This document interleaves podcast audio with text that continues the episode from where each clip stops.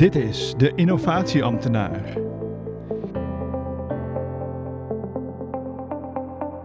Het is vrijdagmiddag. Het gebouw is leeg, net als alle andere kantoren, want we zitten in een coronacrisis. Toch is het een mooi moment om een podcast op te nemen. Dit is een nieuwe aflevering van de Innovatieambtenaar. Vandaag hebben we bij ons Matthijs. Hallo. En we gaan het vandaag hebben over ons Challenge Canvas. Want hoe maak je een goede start met je innovatieproject, het Challenge Canvas? Matthijs, allereerst, hoe gaat het met je? Ja, met mij gaat uh, alles heel erg goed.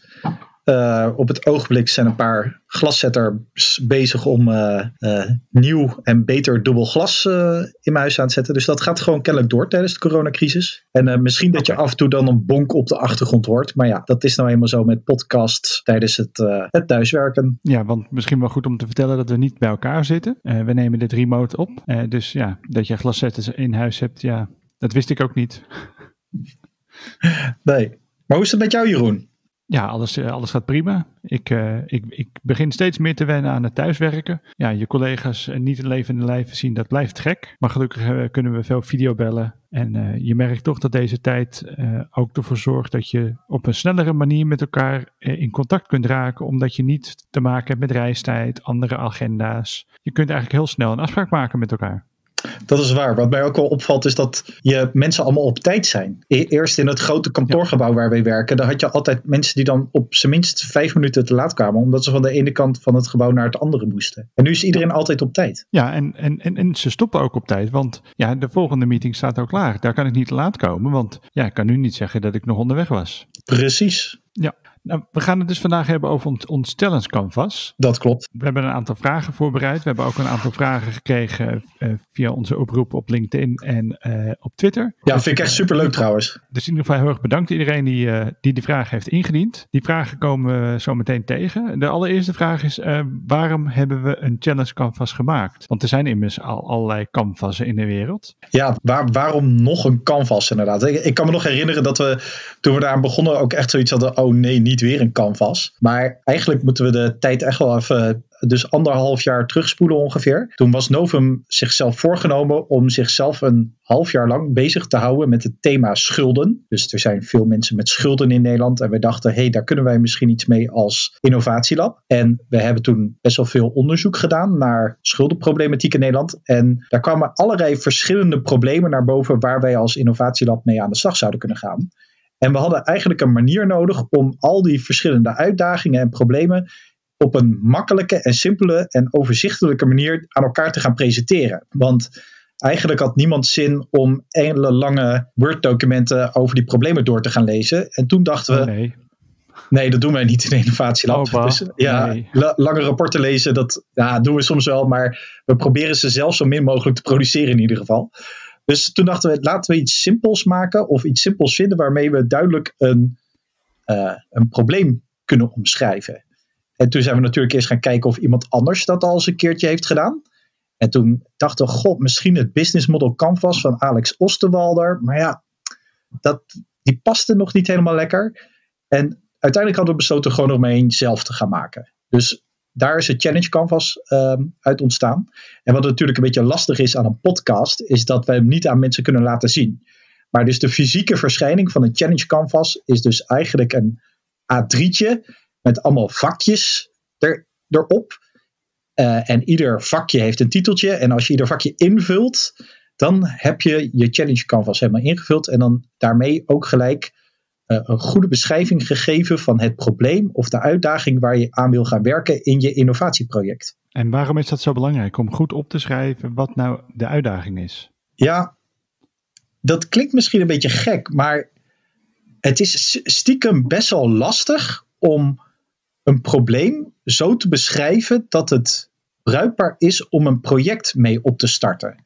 Dus uh, wij kwamen erachter dat dat eigenlijk moeilijker is dan je denkt, een, goed, een probleem goed beschrijven. En um, om daar even een voorbeeld van te geven, als innovatielab krijg je bijvoorbeeld wel eens de vraag van kunnen we de kinderbijslag bijvoorbeeld of een andere regeling van de SB, kunnen we die niet uitvoeren op blockchain? Nou, en dat, Ja. dat klinkt natuurlijk als een hele vette uitdaging. Hè? Dus als je een innovator bent, oeh, blockchain en we mogen iets met een echte regeling en dan ga je gelijk veer je op en zeggen ja, gaan we iets leuks mee doen. Maar dus dat is op z'n eerste gezicht is dat best wel een leuke challenge om aan te werken. Maar als je verder gaat kijken, ja, maar wat is er dan echt daadwerkelijk aan de hand met de kinderbijslag? Dat, waar, waarom moet er iets met blockchain op, op gebeuren in één keer? Dus wat is er aan de hand met de kinderbijslag en waarom is blockchain daar een oplossing voor? En waarom überhaupt blockchain? Is blockchain wel een handige technologie om te gebruiken op de kinderbijslag? Dus ja, je denkt, oh, dit is een leuke challenge, maar uiteindelijk blijkt het een totaal waardeloze challenge te zijn. Dus ja, je moet toch daar iets, iets verder op inzoomen. Van ja, wat wil je nou eigenlijk echt bereiken? Ja, want daar is de uitdaging, er is een probleem met de kinderbijslag. Of is er een probleem dat je eh, eigenlijk niks van blockchain weet? Ja, ze alle twee kunnen, maar dat, dat wordt niet duidelijk aan, aan die challenge. Ja, wat ik zelf ook een mooi voorbeeld vind is, uh, kun, je, kun je eenzaamheid onder ouderen verminderen met robots? Ja, die hebben we ook wel eens voorbij zien komen. Ja, dat, lijkt toch heel, dat, dat lijkt toch heel goed. Je, je hebt robots, dan heb je ouderen. Dan ouderen die hebben dan een robot bij hun. Nou, dan zijn ze minder eenzaam. Ja, het klinkt ook gelijk echt iets. Oeh, een innovatielab doet iets met robots en eenzaamheid. Fantastisch. Maar ja, het is eigenlijk best wel een slechte challenge uiteindelijk. Want A, uh, welke ouderen dan? Hè? Uh, en wat is dan uh, eenzaamheid? Ja, sommige ouderen zijn eenzaam, maar vinden dat niet eens een heel erg probleem. Dus, maar je hebt ook ouderen die eenzaam zijn en dat een heel groot probleem vinden. Dus die doelgroep ouderen is ook in deze challenge heel slecht gespecificeerd eigenlijk. En waarom robots? Waarom zou je niet, als, als je nou dat project gaat uitvoeren bijvoorbeeld, en je komt erachter dat robots helemaal niet goed werken, ga je dan je project stoppen? Want die ouderen zijn nog steeds niet, nog steeds niet geholpen. Dus ja, nou, zo zie je dus dat het maken van een goede innovatie-challenge is, is complexer dan dus eigenlijk een buzzword en een probleem aan elkaar koppelen. Ja, dus eigenlijk ehm, de conclusie van ons was: je moet zorgen dat je op een goede gestructureerde manier uh, de uitdaging opschrijft, zonder aan de oplossing te denken. Maar als ik denk aan hoe de luisteraars nu denken van innovatielab, structuur, denken die in structuren? Ja, zo min mogelijk waarschijnlijk. ja, um, ik, ik denk dat dat misschien een beetje een misvatting is. Ik, denk, ik denk dat innovatie um, uh, een enorme discipline juist vraagt. Uh, op, op allerlei vlakken. Dus ook in je proces, maar ook als team. Uh, dus het is best wel. ik, denk, ik denk dat dat echt een misvatting is. Maar misschien moeten we daar eens een keer op een, in een andere podcast aandacht aan besteden. Maar bijvoorbeeld als je, we gebruiken een methodiek als design thinking bijvoorbeeld uh, vrij regelmatig of lean startup. Nou ja, dat zijn best wel scherp afgebakende processtappen die je moet volgen. Dat, hè, je kunt daar wel een beetje mee spelen, maar uiteindelijk ja, zijn we wel streng in hoe we dat doen. Nou, je wil ook voorkomen dat ik bijvoorbeeld met uh, vier geeltjes aankom en dat jij met een, uh, een projectinitiatiedocument van uh, ach, 28 A4'tjes aankomt. Dat kan je niet met elkaar vergelijken. Nee, precies. En dat, dat was toen in de tijd met het thema schulden natuurlijk de bedoeling. Dat wij een, dus alle teamleden die gingen een, een, een uitdaging of een challenge op het gebied van schulden maken. En dat hielp gewoon een beetje dat iedereen hetzelfde format aanhield. Want dan ja, dan ga je geen appels met peren vergelijken. Dus dat, dat helpt inderdaad. Dus die structuur en herkenbaarheid, dat, uh, dat was erg, uh, erg handig. Ja. Maar waar het ook wel bij helpt, is een goede challenge hebben. en bijvoorbeeld ook het juist in de vorm van een canvas of een poster te doen, is dat je hem aan de muur kan hangen. Want wat wij ook wel eens meemaken, als je al wat langer bezig bent met je project, dat op een dag iemand roept: ja, maar waarom deden we dit in hemelsnaam ook alweer? Dus dat je zo erg bezig bent en misschien wel allerlei zijpaden aan het inslaan bent, dat, dat op een gegeven ogenblik, of er komt iemand nieuw bij je project, net zoiets heeft van waarom zijn jullie dit in hemelsnaam aan het doen, dat je dan gewoon de challenge canvas aan die persoon kan geven, nou, dit is de reden waarom we dit project aan het doen zijn. Dus het helpt ook heel erg om focus te houden op tijdens het project van, oké, waar deden we dit ook alweer voor? Ja. ja. En dan komen we eigenlijk komen we dan bij de eerste ingezonde vraag. Oh ja. Uh, deze vraag is ingestuurd door Margot Lagendijk. Margot, heel erg bedankt. Margot werkt als, uh, volgens LinkedIn als Consultant Communication Research bij het ministerie van Algemene Zaken. Uh, en de vraag is als volgt. Bij het Business Model Canvas vind ik het erg fijn dat aan de ene kant alles met betrekking tot, tot de gebruiker staan. dus extern, aan de andere kant van je eigen organisatie, intern. Hier lijkt het door elkaar te gaan. Uh, dus in ons canvas lijkt het door elkaar te gaan. Doelgroep aan de ene kant, problemen aan de andere kant. Heb je een tip hoe je met dit canvas oog houdt voor de gebruiker voor wie we, uh, voor wie we het probleem willen oplossen?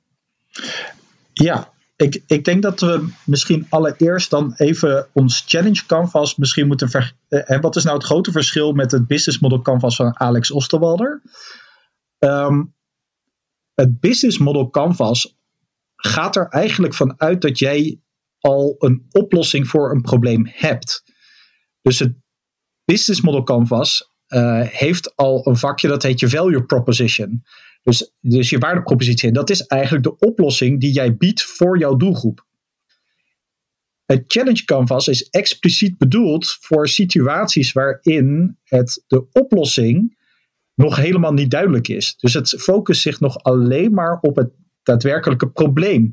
Dus uh, alleen, alleen het probleem wat een gebruiker of een organisatie ervaart.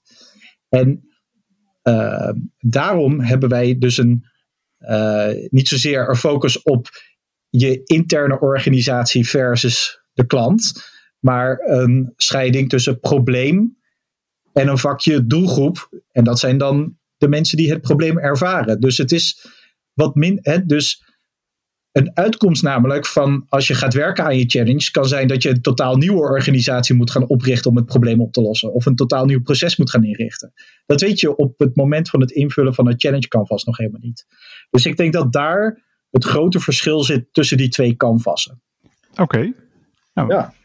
Marco, uh, mocht je daar nog verdere vragen over hebben, uh, laat het ons weten uh, via onze socials of stuur je vraag. geldt ook voor iedereen die een andere vraag heeft aan ons, uh, kan op podcast.novum.nu. Uh, dan gaan we nu verder naar het volgende. hoe, hoe vul je eigenlijk dat challenge canvas in? Want het zijn allemaal verschillende vakjes. Is er een volgorde? heb je altijd maar één versie? Of is het zo dat als je aan de slag gaat en je ontdekt iets, dat je zegt: Goh, ik heb eigenlijk een versie 2?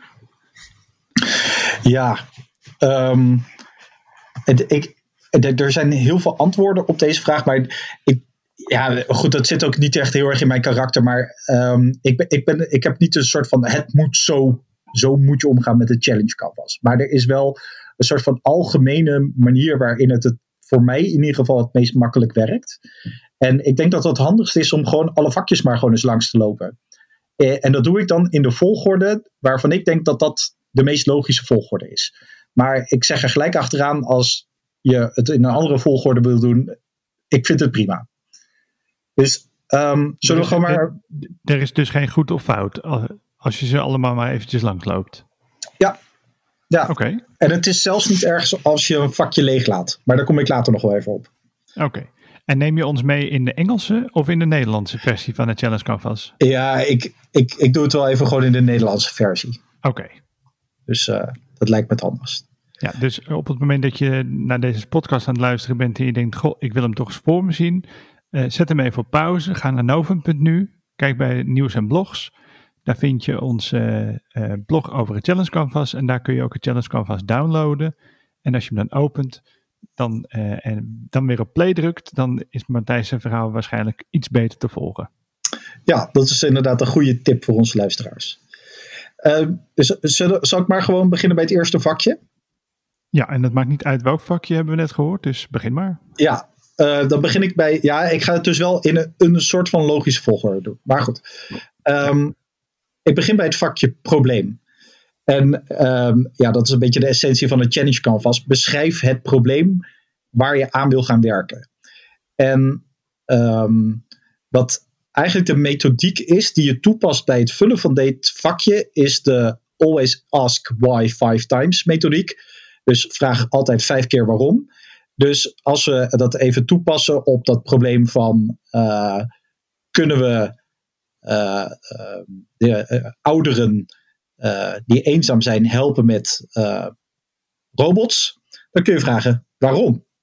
Waar, waarom moeten we, waarom is dat een probleem? Waarom, waarom is het een probleem dat ouderen eenzaam zijn? Nou, oké, nou dat is wel een probleem dat ouderen eenzaam zijn eenzaam zijn. Want uit onderzoek blijkt dat eenzame ouderen bijvoorbeeld hogere zorgkosten hebben. Oké, dus je wil, uh, het probleem is hoge zorgkosten. Dus je wil je zorgkosten verlagen bij eenzame ouderen. Oké, maar waarom is dat een probleem, hoge zorgkosten? Nou, dat levert druk op de maatschappij, et cetera, et cetera. Dus op die manier probeer je dus niet alleen maar het eerste instantie het probleem um, helder te krijgen. Hè? Dus eenzame ouderen is het probleem, maar ook te snappen wat is nou het probleem achter het probleem. Dus wat, is echt de reden waarom dit een probleem is? Dat ga je daar invullen. Um, en soms is het al heel scherp, dus hoef je niet echt vijf keer waarom te vragen. Maar het kan heel goed voorkomen dat je dit challenge canvas samen moet invullen met een, uh, bijvoorbeeld een interne opdrachtgever. En die begint met, hey, kun je dit formulier gebruiksvriendelijker maken? Dus dan, dan is ogenschijnlijk het formulier dat dat niet gebruiksvriendelijk is het probleem. Ja, maar waarom moet dat formulier gebruiksvriendelijker? Nou, omdat ik meer aanvragen wil hebben. Oh, oké. Maar waarom heb je meer aanvragen nodig? En nou, dat, dus het is goed om daarop door te vragen. En als je daar goede antwoorden op hebt, daarmee met die antwoorden vul je dus deze kolom. Nou, dan het tweede vakje wat je gaat invullen, dat is het vakje doelgroepen. En met doelgroepen bedoelen we de mensen die het probleem, wat je dus in het eerste vakje hebt beschreven, uh, de mensen die dat probleem daadwerkelijk ervaren. Dus je doelgroep is dus niet uh, je opdrachtgever, et cetera, maar echt de mensen die het probleem ervaren, beschrijf je. Maar dat uh, kunnen natuurlijk ook wel mensen zijn, en dus los van burgers of klanten, dan kunnen dat ook wel uh, medewerkers bijvoorbeeld van de Sociale Verzekeringsbank zelf zijn. Ja, als die uh, een soort van onderdeel van het probleem zijn. Vaak als je bijvoorbeeld een probleem hebt in een, uh, uh, een werkproces wat niet soepel loopt of waar een efficiëntieslag in gemaakt kan worden, heb je vaak verschillende doelgroepen. Inderdaad, een klant, maar ook medewerkers. Dus dan heb je twee of meerdere doelgroepen inderdaad. Okay. Ja, dat kan. En wat je ook wel vaak ziet is dat, wat ik zei net, ja, je opdrachtgever is niet echt een doelgroep. Maar wat je wel vaak ziet, en dan gebruik ik altijd een beetje het voorbeeld van Facebook. Kijk, Facebook heeft gebruikers. Dat zijn jij en ik die een account hebben op Facebook. Maar wie zijn nou echt de klanten van Facebook? Dat zijn adverteerders. Dus soms heb je ook wel eigenlijk op verschillende niveaus doelgroepen. Dus je hebt bijvoorbeeld, uh, wij hebben klanten als SVB. Dat zijn mensen die van ons AOW ontvangen. Maar wij hebben ook een andere klant. Dat is het ministerie van Sociale Zaken en Werkgelegenheid dat ons een opdracht geeft om AOW over te maken. Dus dan heb je eigenlijk ook weer twee, op twee niveaus doelgroepen. Die alle twee tevreden moeten zijn met het product dat wij leveren. En we kunnen natuurlijk alle mensen in Nederland heel erg blij maken met AOW. Maar als we dat doen op een manier waarop het uh, ministerie, uh, uh, waar, op een manier waar zij niet blij van worden, ja, dan hebben we nog steeds een slechte oplossing gemaakt. Ja, dus, ja maar is dat iets wat je in vijf minuutjes bedenkt of duurt het wat langer? Die doelgroepen, Um, ja. Nou, kijk, dat hangt er maar net helemaal van af. Soms lukt het ons om in een half uur tijd het hele challenge canvas in te vullen. Maar het kan ook soms zo zijn dat je dus bij het vakje doelgroepen aankomt en iemand stelt de vraag: ja, wie zijn eigenlijk die eenzame ouderen? Ja. En dat uh, iedereen elkaar glazen gaan staat te kijken, ja, dat weten we helemaal niet. Nou, dan, dan moet je dus onderzoek gaan doen. Nou, meestal kijken we dan eerst of er niet al bestaande rapporten zijn die we kunnen gebruiken, uh, waar die doelgroep al in beschreven staat. Maar als dat niet zo is, ja, dan kun je er natuurlijk voor kiezen om dat vakje helemaal leeg te laten. En te zeggen, nou dan maken we dat onderdeel van onze challenge eigenlijk, om dat vakje te vullen. Of je zegt, nee, voordat we challenge uh, goed vinden, gaan we eerst nog helemaal de doelgroep uit zitten zoeken. Dus het is ook niet, ja, het helpt je gewoon met nadenken van, heb ik alle informatie nu beschikbaar om eigenlijk het project te kunnen starten? Dat, daarvoor, dat is wel het doel ervan. Goed, maar we hebben nog een hoop andere vakjes uh, te bespreken. Dus uh, ik, ik, ga, ik ga snel verder. Het volgende vakje wat ik altijd probeer in te vullen is het beoogde effect. Dus um, je hebt het probleem beschreven, je hebt beschreven wie het probleem ervaren, maar um, soms is het ook goed om aan te geven in welke mate je een probleem wil oplossen. Dus soms is het, hè, je streeft natuurlijk altijd naar uh, als, innovatie om een soort van 100% oplossing te maken.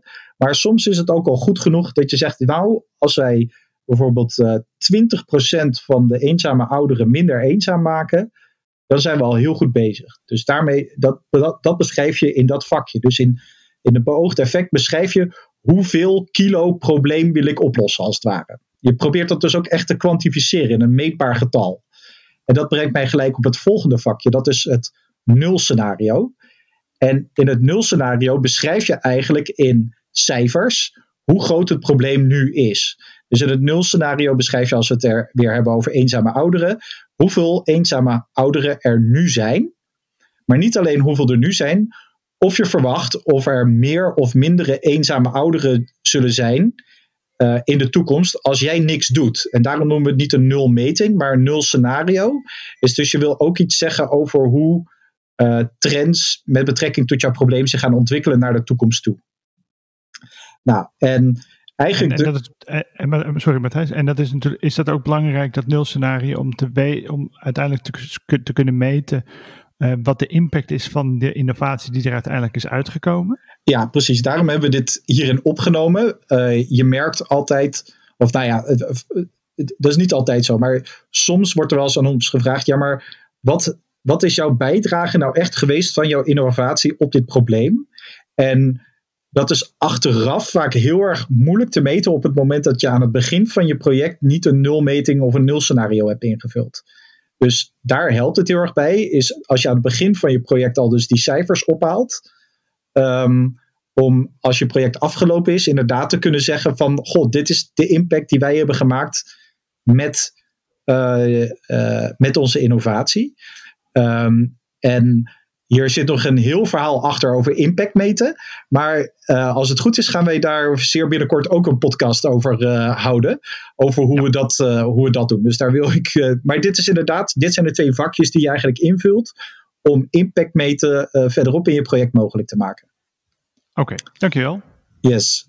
Um, nou, dan het volgende vakje wat je kan invullen. We zeggen dat. dat uh, ik vond het in het begin altijd een beetje, nou, dat vullen we nog wel een keer in, wat minder belangrijk vakje.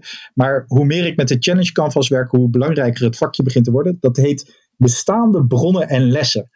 En wat ik wel grappig vind, ik, omdat ik door het Canvas mezelf ook echt daadwerkelijk dwing dit te doen, ga gewoon eens googlen hoe vaak je wel niet een projectvoorstel leest en dat, dat je echt afvraagt, heeft deze persoon gewoon het probleem al eens een keer gewoon in Google ingetikt? En, want je vindt zo vaak gewoon al oplossingen voor problemen die jij denkt dat, dat ze uniek zijn. Maar dat is helemaal niet zo. Het, het is best bijzonder als jij een probleem hebt waar nog nooit eerder iemand over nagedacht heeft of aangewerkt heeft. Dus het is echt super interessant om jezelf te dwingen. Oké, ga op Google zoeken naar of mensen al eens een keer een oplossing bedacht hebben. Maar ook netwerk schrijven in je organisatie, intranetten. Dat soort plekken zijn. Hè, dus eh, ja, ik, heb, ik doe al heel lang projectmanagement. En aan het einde van het project schrijf je netjes dan zo'n verslagje met je lessons learned op. En je, en je weet, dit leest nooit iemand meer. Maar wees nou eens zo'n persoon die dat soort oude lessons learned van oude projecten wel eens een keertje oppakt en leest. En daarvoor is dit vakje, want daar is zo ontzettend veel uit te leren. En het, die lessons learned van eerdere projecten zijn super waardevol, want die schelen gewoon heel veel tijd in jouw project. Dus als iemand anders al eens een keer, vooral een project waarin het mislukt is, is super waardevol, want dan kun jij in ieder geval weten wat je vooral niet moet doen in jouw project. Dus uh, bestaande bronnen en lessen, super belangrijk. En wat mij al een paar keer heeft geholpen, dit veld, is dat mensen naar me toe kwamen en dat ze zeiden, ja, maar dat hebben we al een keer gedaan, dat staat daar en daar. En dan kan je aan de hand van het challenge canvas kan je aangeven, kijk, daar heb ik rekening mee gehouden. Uh, dat staat erin. Dus op, op, dat moment weten mensen al, oh, je, je bent niet zomaar als een uh, ja, zo'n kip zonder kop wat aan het doen, maar je werkt wel degelijk gestructureerd en je houdt ook rekening met de historie van bepaalde dingen.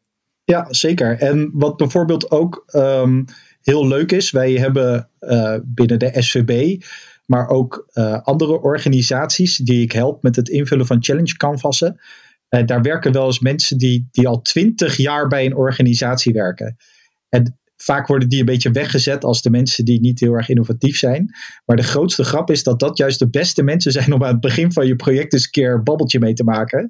En zo'n probleem eens voor te leggen. Want die weet je precies, oh ja, maar tien jaar geleden hebben we dat ook al een keer gedaan. En toen is er dit en dit uitgekomen. Dus het is niet alleen maar papieren bronnen, maar soms heb je ook van die mensen in je organisatie rondlopen die al ja, gewoon van die oude veteranen, van die rotten, die moet je hebben. En gewoon die eens leegtrekken en horen wat, wat, hun ideeën zijn. Dat is hartstikke belangrijk om aan het begin te doen. Ja, de, de lopende encyclopedieën. Precies, die mensen, die, die moet je ook ja. even, even opzoeken. Nou, dan ehm, dat, dat, dat volgt ook mooi in het volgende vakje. Dat is het vakje partners. En daarin beschrijf je de mensen of organisaties die jij denkt nodig te hebben om jouw probleem op te kunnen lossen. En uh, vaak is dit ook uh, wat, bijvoorbeeld uh, wij doen natuurlijk, omdat de SCB de AOW uitvoert, hebben wij veel te maken met de doelgroep ouderen of gepensioneerden. En wij werken bijvoorbeeld wel eens op projecten samen met de AMBO. Dus dat zou zo'n partner kunnen zijn. Dus dat is een organisatie die ons kan helpen, bijvoorbeeld om in contact te komen met de doelgroep. Uh, dus ja, je gaat dus in het vakje partners op zoek naar mensen of organisaties die jou kunnen helpen het probleem op te lossen. Dus een vrij simpel vakje, hoef je niet heel erg lang bij stil te staan, denk ik. Nee. nee. Um, daarna heb je nog twee uh, andere vakjes. Dat is het vakje rollen en gedrag. En in rollen en gedrag, daar beschrijf je eigenlijk team. Uh, de, dus de teamrollen die nodig zijn om het probleem op te lossen. Dus je kunt een beetje naar Challenge Canvas kijken en denken: Goh, ja, hier heb ik bijvoorbeeld een. Uh, als je bijvoorbeeld je doelgroep nog helemaal niet goed hebt kunnen beschrijven, omdat het gewoon niet lukte, dan weet je: Goh, ik moet in mijn team iemand hebben die goed is in doelgroeponderzoek. Dus ik heb een doelgroeponderzoeker als rol nodig. Ik heb een projectleider nodig. Of als je denkt, uh, bijvoorbeeld in het vakje aanpak schrijf je bijvoorbeeld op: ik ga design thinking doen, ik ga lean startup doen, ik ga Prince 2 doen. Nou, op basis van je aanpak weet je: oké, als ik design thinking ga doen, dan heb ik een design thinking expert nodig. Of als je Prince 2 no gaat doen, iemand met Prince 2 ervaring. Dus die twee vakjes vul je een beetje samen in om je team en je aanpak om het project of de challenge op te kunnen lossen, die ga je daarin beschrijven. Um, en bij gedrag, daarin beschrijven we vaak, um, maken we een beetje afspraken over hoe gaan wij, ons als, hoe gaan wij samenwerken als team. Gaan we, uh, hoeveel uur gaan we bijvoorbeeld besteden allemaal aan dit project? Uh, gaan we allemaal remote zitten werken tijdens de coronacrisis of komen we op vaste momenten bij elkaar? Hoe gaan we overleggen? En dat zijn best wel eigenlijk gewoon praktische dingen om je project een beetje te kunnen structureren en van start te kunnen gaan. Ja, en dan, dan hebben we natuurlijk nog het, het allerlaatste vakje. Dat is de grote stip in het midden en dat is de pitch. En daarin probeer je om alle vakjes samen te vatten in ongeveer drie zinnen. Mogen er ook vijf zijn, maar het mag zeker niet een heel verhaal uh, worden. Uh, waarmee je eigenlijk in een echt hele korte paar zinnen aan iemand kan uitleggen wat het probleem is of wat de uitdaging is waar je aan gaat werken. Dus als je in de lift staat met iemand en je denkt, hey, die heb ik nodig voor mijn project dan kun je die in vijf zinnen uh, moet je kunnen uitleggen. Dit is het probleem waar ik aan werk. En dan zeg je, wil je me mee helpen? En dat is veel, vele malen beter dan, hey, ik heb hier een project uh, startdocument van 15 pagina's. Zal je het eens een keer willen doorlezen? Dat doet natuurlijk niemand. Dus, maar als je dat kort kan pitchen, dan, ja, dat is toch gewoon zo. Ik, ik, ik heb ja. Zo, ja, als iemand mij zo'n document op, opstuurt, dan bel ik altijd even. dan ga ik die eerst lezen. Dus, uh, maar goed. Um, en uh, een, een, kleine tip daarbij: het is altijd goed om die pitch te beginnen met de woorden: hoe kunnen we?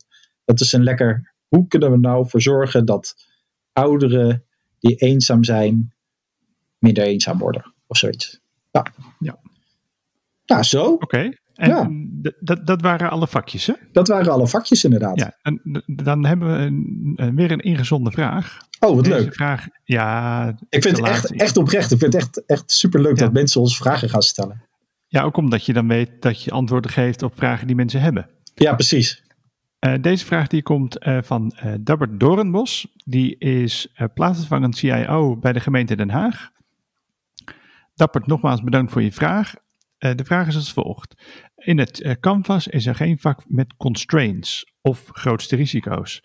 Nu zijn dat onderwerpen waarvan de meeste innovatieve trajecten weg willen blijven, maar in de realiteit heb je daar wel mee te maken. Moet er niet een dergelijk vakje bij? Ja, ik, ik denk dat Dabbert hier zelf eigenlijk het, het, antwoord gegeven heeft. Um, het klopt inderdaad dat wij bewust ervoor gekozen hebben om het vakje uh, constraints of beperkingen of risico's weggelaten hebben uit de challenge canvas. Omdat het voor ons uh, inderdaad uh, gebruikt wordt om met innovatieprojecten te starten. Waarbij uh, wij eigenlijk altijd maar één constraint hebben, is dat we gewoon binnen de kaders van de wet moeten blijven opereren. Um, maar in principe moet alles mogelijk zijn en kunnen. Uh, en pas later ga je die constraints dan wel invullen. Op het moment dat je erachter komt dat er iets uh, 3 miljoen kost en dat geld is er helemaal niet. Ja, dan weet je dat je project doorgaat. Dus dan ontdek je die constraint vanzelf al. Maar wij, wij, hebben er bewust voor gekozen om die weg te halen. Nu kom ik ook in de praktijk wel tegen dat er projecten worden opgestart waar gewoon door een opdrachtgever een aantal hele harde constraints zijn opgegeven. Dit moet onderdeel zijn van de oplossing, anders ga ik het gewoon niet goedkeuren. En uh, wat, ja, daar is geen apart vakje voor. Maar wat ik dan uh, altijd doe, is dan pak ik een ander kleur post-itje en dan schrijf ik daar gewoon even de constraints op, als dat echt randvoorwaardelijk is. Um, wat soms ook wel helpt, is om die constraints in je beoogde effect op te nemen. Want vaak zou je bijvoorbeeld, hè, als je zegt van ja, bijvoorbeeld een bepaalde wet uh, is een constraint. Dan kan je, zou je kunnen zeggen, ja, een effect van uh, de oplossing moet zijn dat we binnen de AVG blijven. Hè, dus dat uh, als we dit gaan doen, dan is een effect dat wij voldoen aan de AVG. Dus soms zou je ook wel eens je constraints kunnen beschrijven als een beoogd effect. Maar het klopt, je zou. Uh, soms gebruiken wij bijvoorbeeld ook nog wel eens de achterkant maar zeggen, van, het, van het A3'tje om daar wat, uh, wat aanvullende dingen op te schrijven, zoals constraints. Uh, ja, dat zou je, zou je kunnen doen. En we zouden er ook een vakje aan kunnen toevoegen. Um, verder is de Challenge Canvas is open source, dus je zal hem ook nog uh, gewoon zelf kunnen aanpassen en, en een vakje constraints aan toe kunnen voegen als je dat fijn vindt. Ja, en ik, ik, ik mis zelf altijd wel het, het vakje aannames. Ja, dat klopt. Um, dat, daar, waarom? waarom? Waarom heb ik mijn vakje aannames nou nog steeds niet gekregen? Dat is waar. Misschien moeten we. Um, sowieso zie ik dat er een klein beetje een oude versie op onze website staat van de Challenge Canvas. Want we hebben twee vakjes van positie gewisseld. Maar goed, dat is een detail. Maar we zouden nog eens een keertje een, um, uh, een update kunnen doen. Ik merk bijvoorbeeld, bijvoorbeeld hè, die twee vakjes uh, onder in het canvas, rollen en gedrag en aanpak ja, die, die, die, worden vaak niet heel erg serieus genomen. Dus misschien zouden we die kunnen vervangen voor uh, uh, constraints en aannames. Want uh, daar moeten we misschien even bij stilstaan. Bij het woord aannames. Er is zo'n leuk gezegde over, maar ik weet niet of we mogen schelden op onze podcast. Maar goed. Ja, dat, dat moet ik allemaal weer wegbliepen met het editen. En dat, dat proberen we ook zo kort mogelijk te houden. Ja, dat, dat zal ik dan maar even niet doen. Maar aannames uh, bijvoorbeeld over je doelgroep zijn levensgevaarlijk. Uh, dus als jij denkt uh, dat bijvoorbeeld. Ja, wat ik de laatste tijden veel tegenkom is een aanname over um, mensen die niet digivaardig zijn. Dat dat altijd ouderen zijn. Dat is helemaal niet waar. Er zijn ook heel veel jongeren die niet digivaardig zijn. Dus dat is zo'n aanname die, die vaak in projecten sluipen. En dat is um, heel erg goed om eigenlijk als je Challenge Canvas ingevuld hebt, is heel streng te kijken naar jezelf. Waar, wat zijn nou eigenlijk aannames die ik gedaan heb? Um, en schrijf die aannames op en ga die nog eens een keertje proberen te valideren. Van is het um, zo dat mijn doelgroep altijd ouderen zijn? Nee, dat, dat hoeft helemaal niet. Of is daar onderzoek naar gedaan? Gaat dat, gaat dat, dat nog opzoeken? Want uh, het fijne, of nou, het vervelende van de aanname is, als je daar pas verderop in je project achterkomt, dan kan het wel zo zijn dat je heel veel werk voor niets gedaan hebt. En eigenlijk door heel erg vroeg in je project al bewust te zijn van de aannames die je gedaan hebt, voorkom, kan je wel eens heel veel teleurstellingen en onnodig werk uh, voorkomen. Dus uh, ja, dat uh, okay. ja, is belangrijk. Dan hebben we nu zeg maar kort, ja, het is natuurlijk een uitgebreid verhaal verteld hoe, uh, hoe, hoe, het canvas uh, in elkaar zit. Hoe, hoe, wordt het nou in de praktijk gebruikt? hoe gebruiken wij het zelf?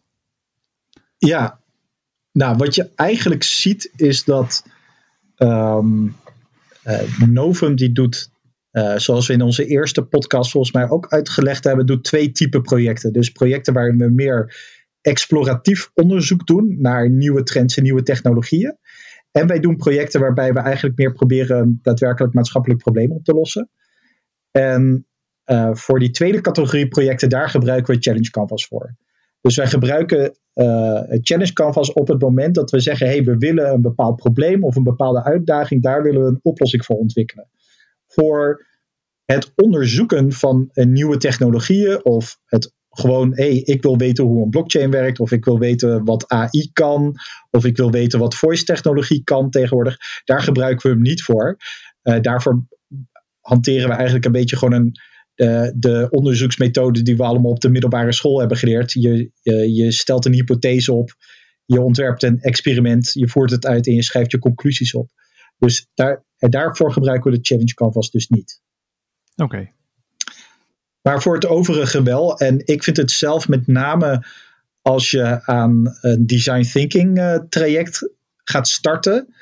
Um, uh, op, op dat moment vind ik hem ook heel erg prettig om in te vullen. Want ja. het, het is een goed startpunt, vind ik. Ja. Oké. Okay. Ja, wat, wat, wat ik wel grappig vind is dat uh, heel veel mensen die vragen aan ons: mogen we een keertje weer langskomen om te kijken? Want uh, we zien allemaal van die uh, goede verhalen en mooie resultaten, ook op jullie website. jullie publiceren alles op Novi.nu en het, is, uh, het, het, ziet er allemaal zo robuust uit. Hoe, hoe, begin je nou? En dan vertellen we altijd, nou, dat doen we met het, onder andere met het Challenge Canvas. hier is de blog, ga aan de slag. En dan vragen mensen toch, ja, kan je er wat over vertellen? dus wij hebben al een aantal keren presentaties gegeven. Um, Matthijs, wat, wat, is voor jou nou, als je kijkt naar los van het succes wat we zelf hebben, wat is voor jou persoonlijk het, grootste succes uh, wat, wat, je met de Challenge Canvas ergens anders hebt gedaan? Ja, ik, ik weet niet of er echt één specifiek canvas echt uitspringt, maar ik denk dat het uh, als standaard wordt gebruikt binnen het Startup and Residence programma bij uh, het ministerie van Binnenlandse Zaken, maar nu ook bij SZW. Uh, ja, dat vind ik dan wel heel erg leuk dat dat, uh, dat, dat zoiets wat wij ontwikkeld hebben. De, ook gewoon een beetje om onze eigen problemen, problemen op te lossen. Dat dat ook gezien wordt door anderen en ook toch best wel omarmd wordt ook. dus mensen vinden het ook echt prettig en handig om mee te werken. Dus dat is leuk om te zien. Ja, ja, en, ook het, het, nieuwste Startup Residence programma Intergolf, wat de samenwerking is van de provincie Zuid-Holland, gemeente Den Haag en een aantal ministeries, onder andere Binnenlandse Zaken en EZK. Uh, eh, daar hebben we toen ook een workshop voor gegeven. En uh, alle uitdagingen die daar, die daar waar ze met startups mee bezig zijn, die zijn allemaal gestructureerd middels het, het Challenge Canvas. Dus dat, is, dat, vind ik inderdaad erg mooi om te zien. Wat ik zelf al grappig vind is dat ik, ik heb een keer een, een, een design workshop van iemand van Google gekregen. En ik vroeg, goh, hoe, hoe, begin je nou, hoe beginnen jullie eigenlijk met, uh, met zo'n uitdaging? Was het, ja, we krijgen dat van een onderzoeksafdeling en dat gaan, gaan we gewoon doen. We gaan gewoon, uh, ja, we gaan gewoon eenzaamheid met robots uh, voor onder ouderen aanpakken. En toen liet ik hem met de Challenge Camp van zien. zei hij, zo, dat is wel interessant. Dus misschien dat ze het daar ook wel gebruiken. Ik wacht nog steeds op de foto die daar hangt. Ja, ik, ik denk dat ik eh, dat, dat wel super mooi zou vinden als er ergens in een kantoor eh, van Google Challenge Canvas aan de muur hangt. Dat, ja. ja, en ook ingevuld. Hè? Ja, wat ik zelf wel grappig vind, als je kijkt naar de bezoekersaantallen op onze website en welke pagina nou het, meest bezocht wordt, is toch het Challenge Canvas, zowel in het Nederlands als in het Engels, nog steeds de meest populaire pagina. De meest populaire pagina is de homepagina, de, nieuwspagina, de experimentenpagina, maar dan meteen met stip bovenaan staat het Challenge Canvas. Uh, en dat is wel interessant. Zelfs als we in, iets nieuws publiceren, uh, een nieuw, nieuw artikel bijvoorbeeld over multiparty computation, uh, dan zie je dat, dat die heel veel bezocht wordt, maar toch wordt het Challenge Canvas nog meer bezocht. Ja, ja. Maar ik denk dat we nu genoeg over uh, ons uh, gewenteld hebben in ons succes met de Challenge Canvas. maar ik, ik, zal, ik wil er nog wel. Ik, ik ben trouwens wel heel erg blij dat het veel bekeken wordt. Want ik denk ook wel dat het nodig is dat we beter worden in het beschrijven van onze problemen.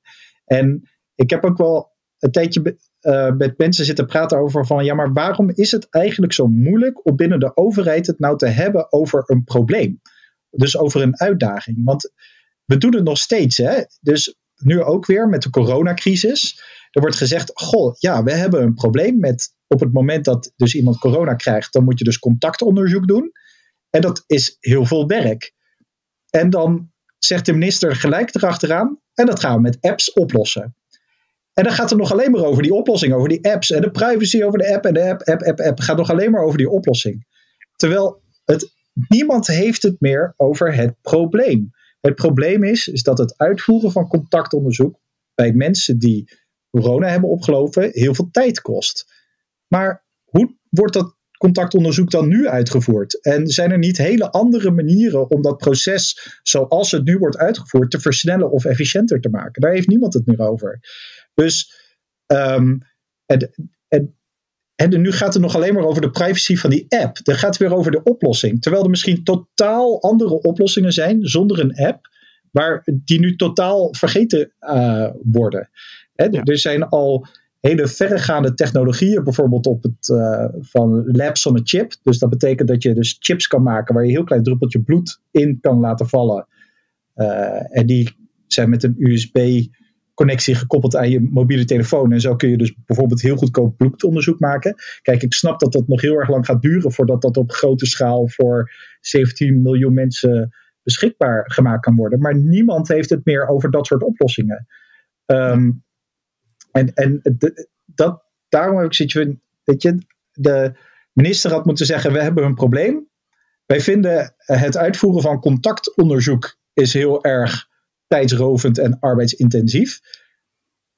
Maatschappij, verzin een oplossing. In plaats van gelijk ja. over die apps te beginnen. Want daarmee krijg je nog in het begin nog veel meer andere ideeën.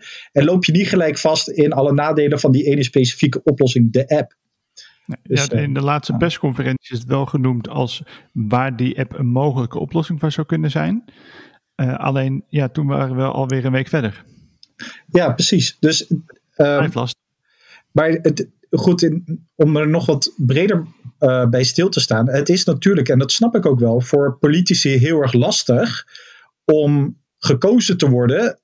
Als je zegt, nou, ik ga, um, ik stel mezelf verkiesbaar, ik ga campagne voeren en je zegt alleen maar, ik ga dit probleem oplossen. Ja, het eerste wat, jou, uh, wat, een, uh, wat een journalist of jouw politieke tegenstander aan je vraagt, ja, hoe ga je dat doen dan? Ja, als je dan zegt, ja, dat weet ik nog niet ja, dan trek je geen stemmen. Dus ik snap ook wel dat politici, die worden natuurlijk gekozen op basis van de oplossingen die zij uh, voor, voor onze maatschappij verzinnen. En dan komen ze op uh, een ministerie als ze de grootste partij worden. En dan zeggen ze tegen de ambtenaren: ga deze oplossing uh, maken. Want daar, daar heeft het volk mij voor gekozen. Dus ik snap ook wel dat er binnen de overheid natuurlijk wat minder ruimte is om puur en alleen gefocust op problemen te werken. Maar het zal zo mooi zijn als we af en toe ook eens gewoon met elkaar zeggen: Dit is zo'n complex en ingewikkeld probleem. We weten gewoon niet wat de beste oplossing is. En laten we juist heel veel tijd nemen en aandacht schenken aan en focussen in eerste instantie op wat nou echt het probleem is. En pas later in het proces gaan nadenken, maar wat zijn dan oplossingen? Dus uh, ja, dat, en dat, ik hoop dat de Challenge Canvas, bijvoorbeeld in het Startup in Residence programma zie je dat echt terug. Daar wordt alleen maar het probleem wordt gepitcht voor de start-ups. En niet al de oplossing. En ik, ik, dat vind ik een leuke ontwikkeling. Daar word ik echt blij van. Dat lijken me mooie laatste woorden. Want yes. we zitten nu alweer op een, uh, op een vrij lange, lange podcast. Ja, daar zijn we wel goed in, hè? Lange podcast. ja. ja, we proberen het volledig te doen. En uh, ja, je, je, kunt het uh, heel kort houden, maar je wil zorgen dat je alles goed, goed raakt. dan wil ik je in ieder geval voor deze tijd bedanken. Ja. Voor voor al je kennis en ervaring weer om uh, die je met ons gedeeld hebt. Uh, Margot en Dappert, bedankt uh, voor het delen van jullie vraag. Ja, echt superleuk. mocht je nou nog vragen hebben, mail ons op podcast.novum.nu. En dan zijn we er over twee weken weer. Yes, fijn tot over twee weken. Ja, fijn weekend Matthijs. Ja, fijn weekend. Het is bijna vijf voor vijf, dus we moeten snel wezen. Oké. Okay. Jo, doei.